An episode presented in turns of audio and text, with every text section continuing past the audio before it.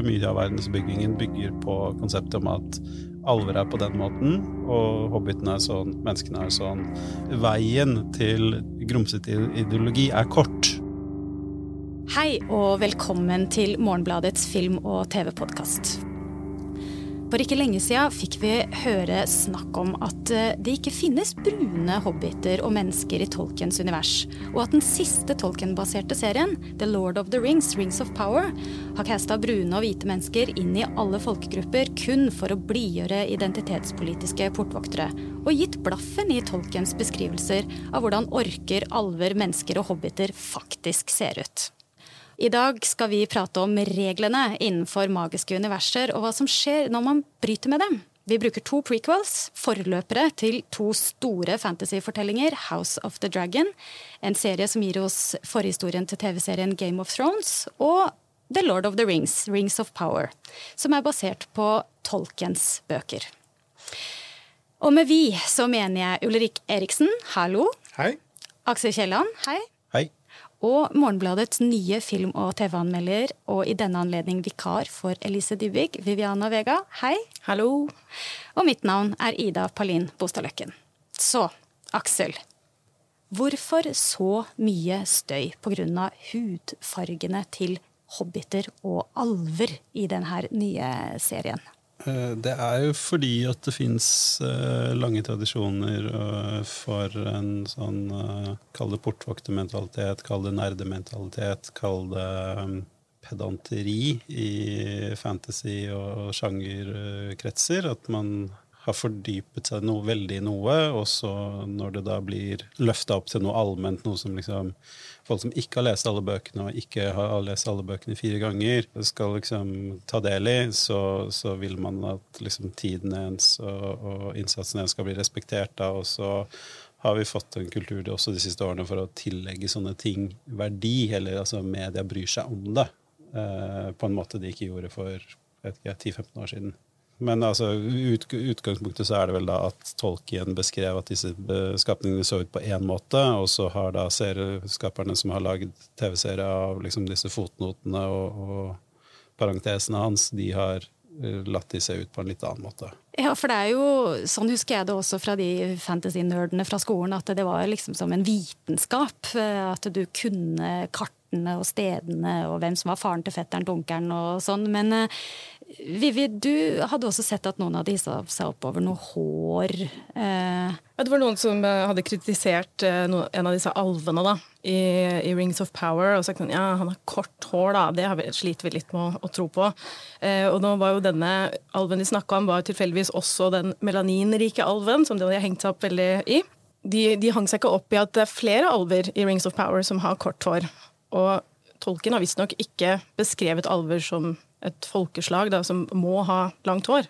Spisse ører må de ha. Ja, de skal spisse ører, så vidt jeg vet. Eh, men eh, det er nok Peter Jackson sine filmatiseringer som har på en måte sementert litt det der visuelle uttrykket man forventer da, i mm. Ringenes herre-universet. Ulrik, du har jo studert idéhistorie du, en gang i sin tid. Ja, for noen tiår siden, ja. og da dukka tolken opp. Ja, Tolkien eh, han er jo middelalderhistoriker, og særlig britisk middelalder. Han var jo Oxford-historiker og tilhørte et uh, miljø der som sammen med C.S. Lewis bl.a., som går for å være et uh, relativt konservativt historisk miljø. Det blikket som Tolkien har på middelalderen, som jo gjerne kan karakteriseres som en litt sånn nostalgisk prøve å finne noe urbritisk eller urengelsk og, og, og, og dyrke frem det, det finner vi jo også igjen i hele Ringenes herre-universet. På hvilke måter er det man ser det der? Nei, Det har jo noe med en, en, en, en, litt sånn glorifisering av vasallsystemet, på en måte, og føydalstrukturen. Eh, og om gode herrer og gode herskere som styrer med stor visdom. Også, jo lenger unna du kommer dette, jo, jo jo mer eh, korrupt og jo rarere snakker de. på en måte. Altså, jo nærmere sentrum du er, jo, jo mer uh, britisk er det i aksenten. Og jo lenger ut, jo røffere aksenten blir det. Også, jo mer irske blir ja, de. uh, og så har du på en måte i denne nye serien så er det både irske og skotske aksenter. Og De har jo både noe litt sånn komisk med seg, men også kanskje litt sånn koselig og litt ufarlig. Eh, mens herskefolket har et mer britisk Dette minner jo litt om sånn som man har på en måte fordommer og stereotypier knytta til dialekter og sånn i Mm. Norge. Er det noen som har reagert på, på dette, da? I Ja, det er, altså, det er ganske mye kontroverser rundt dette.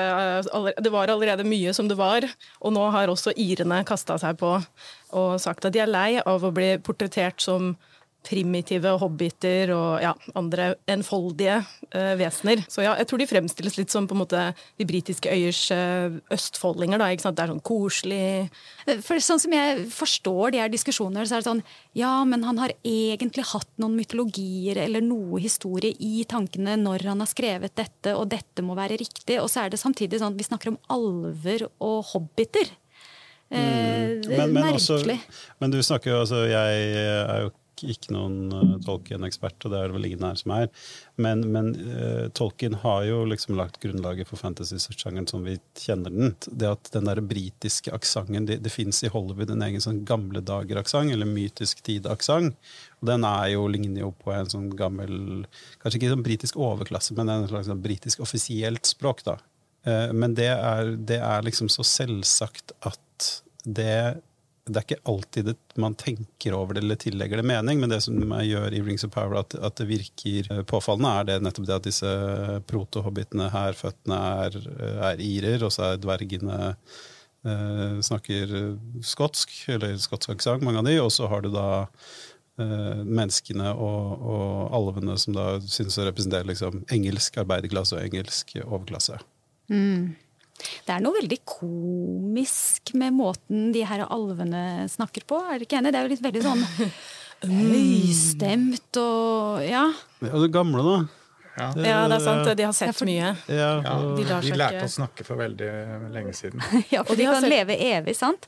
De trenger ikke. ikke uttale seg kort og presis. De kan liksom la språket Men det blir jo veldig sånn at de fremstår som de dannede, sant? og det er alltid veldig sånn lys der de er, og de har jo Ja. De er ikke stressa. De har sett verre før. Det går liksom, alt kan foregå på samme, samme sånn stressnivå. Og det er jo flere er ting lavt. Sånn, Hobbitene er på en måte naturfolk. De Mm. liksom hopper alltid ned fra tre og ruller rundt i gresset før de liksom spiser et bær og kliner, og så, og så har de da den herre trivelige måten å prate på, da. Ja, det må, jeg må jo si det om Rings of Power. Jeg synes de har veldig nusselige hårsveiser med de der stråene som stikker ut, og liksom alltid et eller annet, kongle eller noe bær som er i, i klærne og sånt. Det syns jeg er veldig veldig sjarmerende. Ja, det har veldig mye sånn eventyrstemning over seg som er Ja. ganske trivelig å forsvinne inn i. Eh, spesielt for barn, da. Jeg kan Men- skjønne at irene er litt eh, irritert, altså, for det.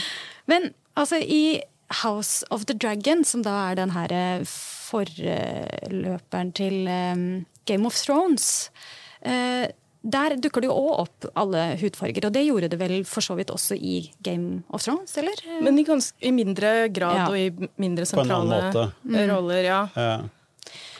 Her er de slemme og snille om hverandre, sant? Altså, hva, og det aksepterer vi i større grad, eller? Altså det som er det, som er liksom det grunnleggende altså Du har to uh, nivåer av dette man ofte snakker om, liksom fantasy og rasisme. Og det er det aspektet vi snakker om nå. Det er at noen blir sure fordi hobbitene skal ikke ha den hudfargen. Men så har du den liksom, rasismen som ligger i selve universene, hvor he, altså, utrolig mye av verdensbyggingen bygger på konseptet om at alver er på den måten. De liksom, har det humøret, har det utseendet, de verdiene, de egenskapene. Og hobbitene er sånn, menneskene er sånn. Eller sånn som i Game of Thrones, hvor det er hovedsakelig mennesker. Mennesker derfra er sånn, mennesker derfra er sånn, mennesker derfra er sånn. Veien til, til litt sånn uh, grumsete ideologi er kort. Mm. Ja, det å drive og dele opp folk i grupper, og de er bedre, og hierarki og sånn. Altså, vi, vi, Ja. Fordi at siden da, de deler ikke opp, opp De deles ikke opp etter hudfarge, den her um, Nei. House of the Dragon. Men hva slags kategorier er det vi likevel har? For det må tydeligvis en god fantasy-serie ha. Den må ha veldig sånn klare Ja. grupper. Og jeg syns det kan bli litt sånn tåpelig av og til. Sånn som i Rings of Power, så er det han Arondir, da, han melaninrike alven. Han går inn i en bar Arondir.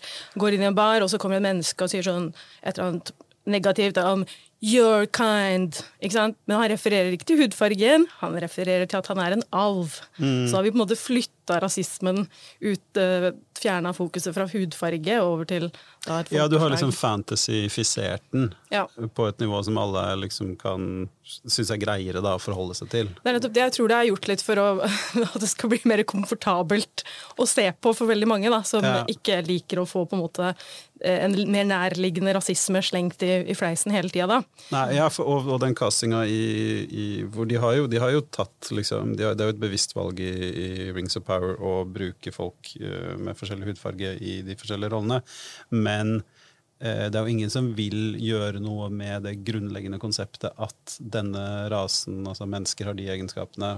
Altså det er så fundamentalt for den type altså Tolkien, post-Tolkien fantasy at det, er, det, vil alle ha. Liksom alle det virker som at det. dette er en veldig viktig ingrediens i et sånt univers. Mm. Uh, uten mm. det så er det lite vanskelig å lage en historie, kanskje. Ja. Men Ulrik, du har uh, sett mye film, sett mye TV, studert idéhistorie, men jeg har sånn følelse av at du kanskje ikke egentlig er sånn veldig bevandra i denne fantasy-sjangeren. Men når du ser det nå, nå har du sett mye av det i det siste, hva er det du har hengt deg opp i, da, som du har lagt merke til, som har irritert deg eller underholdt deg? Ja, Som uh, transportinfluenser, uh, som jeg ofte kommer tilbake til, så, så, klarer jeg jo ikke la være å se på uh, forholdet de har til transport, og kanskje særlig Game of Thrones og, og House of Dragon. Har jo et, eh, et litt sånn forkludret forhold til transport, fordi avstandene er jo enorme. De, og de har jo ikke noe annet enn hest og kjerre og drager å reise med, stort sett. Det er ikke så verst med drager, da? Ja, drager kan komme seg raskt av gårde, men det er veldig få som har det som transportmiddel. Altså, de fleste er på hesteryggen eller i en vogn, eller går. Men de kommer seg altså rundt til den andre delen av verden på 0,9, og det, og det er jo på en måte selvfølgelig et dramaturgisk valg. Det er jo et ønske om å på en måte fortette historien. Eh, og Når du skal fortelle fra veldig mange forskjellige steder, og det skal være drivet i fortellingen, så må du på en måte tillate deg noen uh, sånne ting. Men det ligger også, tenker jeg, liksom en, en, fantasi som vi har om hvordan forflytning på en måte skal være veldig enkelt for oss. At vi har den fantasien om at vi kan komme oss overalt i hele verden på null komma niks. Og, og, det er liksom Så den serien eh, på en måte forfyller jo opp gir oss den gleden over å måte, kunne komme seg rundt da, på veldig enkelt vis. Det er jo også sånn sci-fi-greie, det der med det deilige romskipet som helt sånn ja, uten lyd. Teleportør, Enda bedre. Ja, Vivi. Men i 'Ringenes herre' så var det jo reisen var jo veldig det var jo sentral, da. Eh, så der tok jo ting tid. Jeg synes uh, nå i den Rings of Power så er det, det er jo kanskje litt mer realistisk, men det er alltid en sånn De ser alltid på en sånn knoll der i det fjerne, da. Så sier de sånn Ja, vi skal dit, da. Ja, en dags gåtur. Det er alltid sånn A day's walk. East, ja. liksom. Det er jo veldig ambisiøst når hun kaster seg, hun alven kaster seg ut i vannet for å svømme hjem eh, når hun er midt ute i havet. Det tenkte jeg at nå, uh, nå, nå. Men hun er jo alv. Ja, ja, hun er sikkert kjempegod til å svømme også. Hun har sikkert gjort det i tusen år, ikke sant? Et poeng som jeg, jeg, driver nå og leser en bok av en britisk forfatter som heter Patrick Harper. Som skriver mye om myter og verdensbilder i, i vestlig verden kontra tradisjonelle samfunn. Der. Og mye av det han skriver om, det er hvordan myter gjerne følger en drømmaktig logikk. Og i, i tolken så er jo dette et fenomen. og 'Ringenes herre' er jo en slags fortelling om hvordan uh, magien i form av alvene liksom forsvinner ut av verden. Uh, mens her nå befinner vi oss i en verden hvor uh, magien er mer reell. Og da kan du jo si at da, den type forflytning er jo liksom sånn altså Det trenger ikke å følge reglene. Det kan jo bare liksom du går dit, flyr dit, kjører Hvem vet? Du er der fordi de, de, trengte å være der på det tidspunktet.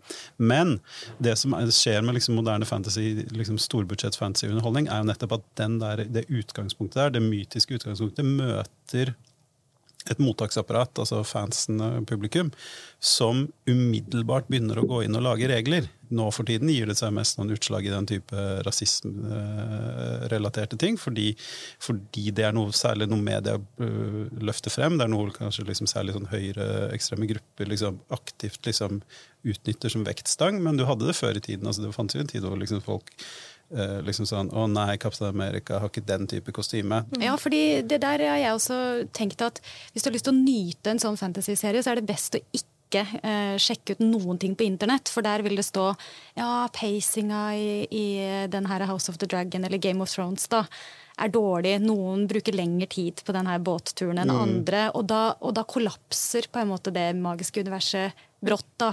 Men hva er det som eh, skal til da for at det bare kollapser for dere? Så hva er det som gjør at dere faller av eller aldri kommer helt i gang i et sånn eh, spesielt disse to seriene, da? Altså, jeg, jeg, tror jeg er på jakt etter noe uh, Eller jeg, jeg, har, jeg, har, ikke så mye å gå på. Det må jeg jo innrømme. Uh, altså, jeg, har skjønt det, går, Ulrik. Uh, at jeg går inn i mye av dette med en viss skepsis, og så kan jeg la meg fortrylle. Og da handler det jo om at det er et eller annet sublimt. Er, jeg er på jakt etter noe som på måte, dette kan gi meg, som jeg ikke vil kunne oppleve ellers.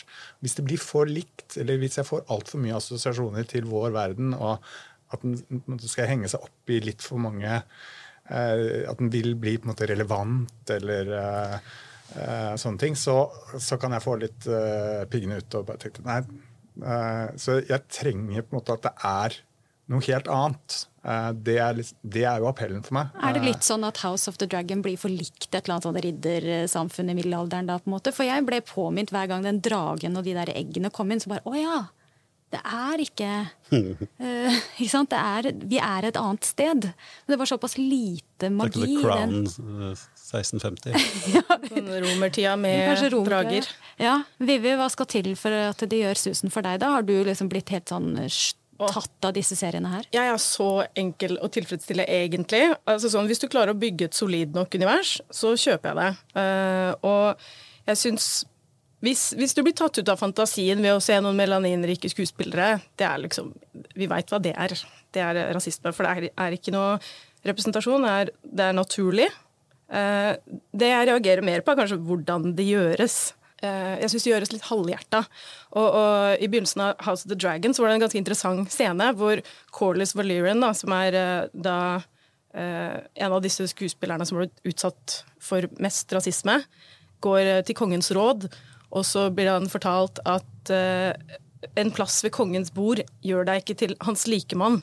Og det syns jeg er litt sånn uh, beskrivende for hvordan man behandler representasjon. Da. At, uh, at, det er litt sånn ja, du kan godt få noen roller, men de skal ikke være nødvendigvis liksom, interessante eller viktige.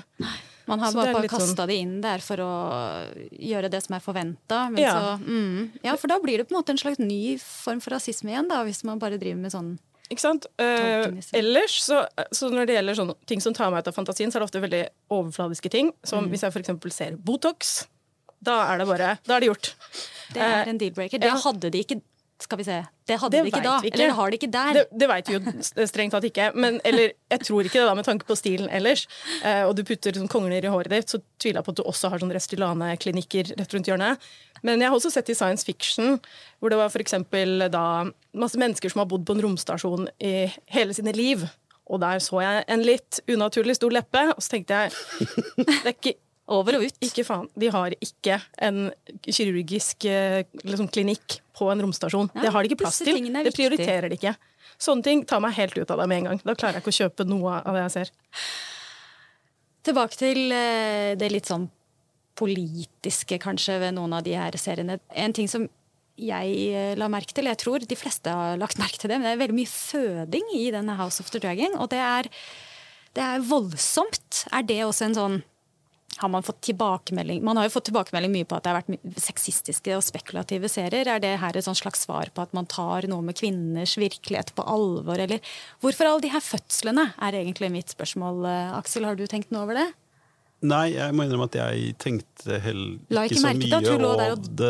Jo, jeg la, la, merke til det, men jeg, men jeg, tenkte ikke på det som liksom noe sånn drøyt. Eller, men, men, det er jo en sånn det er jo hva skal man si, den, den nye måter å vise kvinnekroppen på. da. Og, Fra en annen vinkel, ja, annen vinkel og ja. det fins to måter. Jeg la veldig godt merke til det. Ja, jeg, men, og jeg tenkte det, Her er det jo litt sånn uh, På en måte et uh, prisverdig uh, grep. på en måte um, Vise arv, for dette, I Game of Thrones så handler det jo hele tiden om arverekkefølger. Det er jo liksom, det, det er prinsippet, eller hele basisen for uh, dramaturgien i veldig stor grad.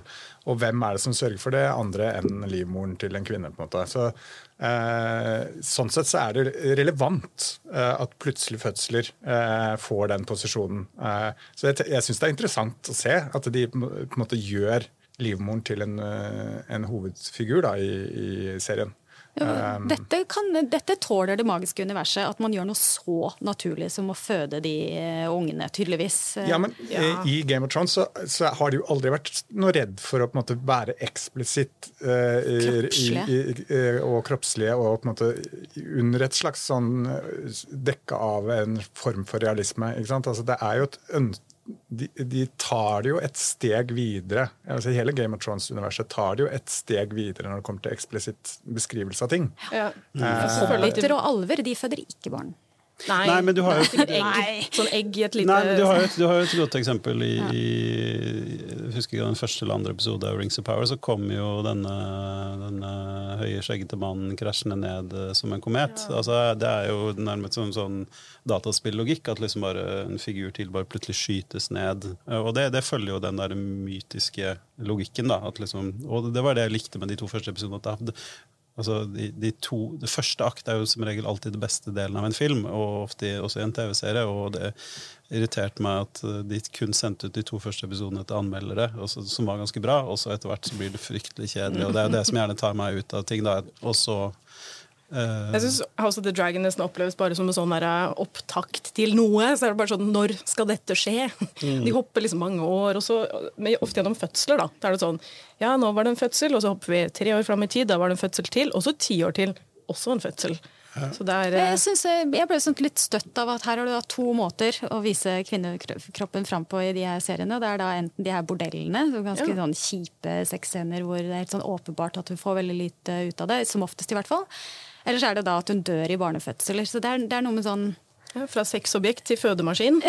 ja, Men fortsatt sånn edgy. Ja, at det er edgy, og det er en ærlig sak. Liksom, ja. Sånn er folk. Uh, mm. dette, er, uh, dette, er, menneskenaturen. Det er på en måte innunder den, det argumentet, ja. selv om det er andre folk. Game of Thrones har alltid hatt et litt mer sånn sosialrealistisk preg Eh, egentlig. Det er som 'Ringenes herre' med 18-årsgrense kanskje også. Ja, virkelig. Ja, det er HBO-versjonen. Men, uh, men, uh, men, det er jo interessant å se på en måte den vekselsvirkningen som er mellom 'Ringenes herre'-universet og Game of Thrones-universet. fordi de Game of Thrones kunne antakeligvis ikke eksistert uten 'Ringenes herre'. Men nå så kan du nesten se, man får litt sånn følelse av at uh, Rings of Power ikke kunne eksistert uten Game of Thrones. Hva tenker du på? Nei, fordi Det har noe med liksom, litt av estetikken, hvor de forflytter seg mellom disse verdenene. Uh, det, det er, de spiller litt på hverandre, da.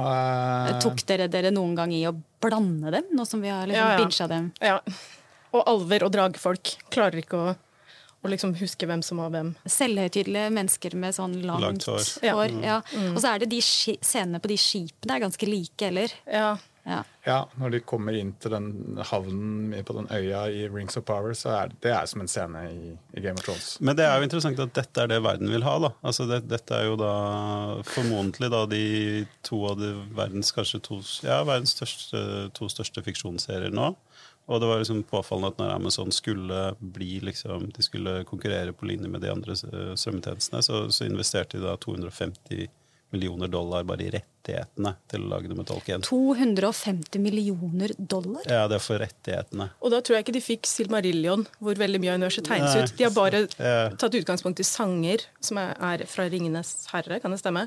Ja. Men, men ja. veldig lite å gå på, da. Men, men, men liksom det at det, det, det, som trekker folk, da, det folk vil ha, akkurat som folk, det folk vil ha på kino av superheltfilmer, det er nettopp det vi snakker om. da. Det er det er litt sånn derre Eh, det er bare den der fantasy-estetikken. Være i den verden. Er det så farlig om det er det ene eller andre? For noen, for andre ikke. Liksom så folk har blitt ute etter å få være i den verden, være i en stemning heller enn kvaliteten på historien, karakterene, dramaene, relasjonene. Altså, det skal jo helst være godt, det òg, ja. men, men altså, skuespillet er jo liksom sjelden spesielt viktig. og det er jo liksom... Men hvorfor to sånne serier på såpass kort tid som gir oss forhistorien til andre eviglange opplegg, liksom. Det er, folk har lest bøkene, de har sett TV-serien, de har brukt halve livet sitt. Dette er liksom Og så vil de ha historien om alt som skjedde i det ene tilfellet er flere tusen år før, og det andre 140 år før. Altså, hva jeg tror at prequelen, liksom, grunnen til at man gjør det, er at det er mye eh, vansk, eller det er relativt mye vanskeligere å ødelegge enn det er med en oppfølger. En oppfølger kan liksom spore av og ta det ting i liksom helt, helt, nye retninger som, som uh, fansen ikke liker, mens når du lager en prequel, så er du nødt til å passe på at du ikke Altså, du vet hvor du skal ende, og det, det skaper en sånn snevrere inn handlingsrommet og, og, og, skaper en mye mer sånn derre skal man si, trofast utvidelse da, av det mm. opprinnelige produktet. Ja, Du ser det jo også i hele Star Wars-logikk. Uh, alt som blir pøst ut innenfor Star Wars-universet, er jo alltid på en måte uh, enten før fireren eller ja, mm. rundt der. da. De vil på en måte, Det er ingen som går etter, etter episode Tør ikke det. Etter episode seks. Da er vi ute i et univers de ikke vil det mater jo også nerden her med det der med å vite enda mer og enda mer og enda ja. mer om det som skjedde før, og da var de der, og det veit jeg fordi at altså Star Trek kan de også ta det helt tilbake til vår tid. De, de driver liksom og mm. tøyer den strikken med sånn sette det noen hundre år tilbake, og så Å nei, tidsmaskin, fordi nå møtte vi liksom en blindvei som vi ikke kan forsvare. Altså, Men så skaper jo, det, skaper jo, det, en sånn følelse av altså Det skaper jo en sånn Det mange vil oppfatte som en sånn legitimitet eller seriøsitet, da, for at dette er ikke bare tull. Dette er, liksom, ja, det er det. dette er en historie, dette er noe som henger på greip. Dette er liksom, det er årstall. Selv om det er liksom space-årstall eller fantasy-årstall, så er det årstall. og det er liksom sånn mer å vite. Ja, og mer mm. å kunne ja, mer kunnskap å, mm. å, sitte inne med. Vi er nødt til å runde av vi, med noen uh, anbefalinger. Hva er det man skal se for å detoxe etter en uke i eh, lodne tøfler og spisse ører, uh, Viviana? Eh, ja, det blir jo ikke noe helt annet, da. Men jeg vil gjerne anbefale serien Foundation. Eh, det er en sci-fi-serie, men som er satt så langt fram i tid at det nesten blir som en fantasy. Og den er løst basert på uh, Isak Asimov sin bok, ja, med samme navn. Den kan, første sesongen ligger ute på Apple Plus. Kult. Ulrik? Ja, uh, en av mine store filmatiske helter, Jean-Luc Dard, døde nylig. Og nå har Cinemateket kastet seg rundt og viser En kvinne er en kvinne på søndag på Vega. Eh, en eh, slags ironisering over eh, musical-sjangeren. Og en slags kjærlighetserklæring til den. En av Godards mer lettbente filmer. Veldig morsom og ja, vel verdt å se. Det høres deilig ut. Aksel? Jeg skal anbefale en film som er mer mytisk. Uh, altså det er en uh, Mandy av Panos Kosmatis, Vi har for så vidt snakka om den før, den uh, Nicholas Cage-filmen. Men det er et eksempel på at du tar liksom disse mytiske aspekter ved fantasy. Du, du, setter det i Den er jo satt i liksom 70-tallet eller hva det er, eller, eller vår tid, men den den, den uh, følger sine egne sånn, uh, mytiske fantasy-regler. Og så uh, må jeg minne om at ja. han da, Panos Cosmatos, da, dette første filmen eller hva man skal si, han har laget siden da, den kommer på Netflix i 25. oktober som en del av den Guillermo del Toros Cabinet of Curiosity. Så har han en sånn episode der. Så Det gleder jeg meg veldig til. Takk for fine anbefalinger. Hvis dere vil lese mer om hva denne gjengen skriver om film og TV, så kan man gå inn på morgenbladet.no og tegne seg et abonnement. Det er det vel verdt. Og så høres vi neste gang.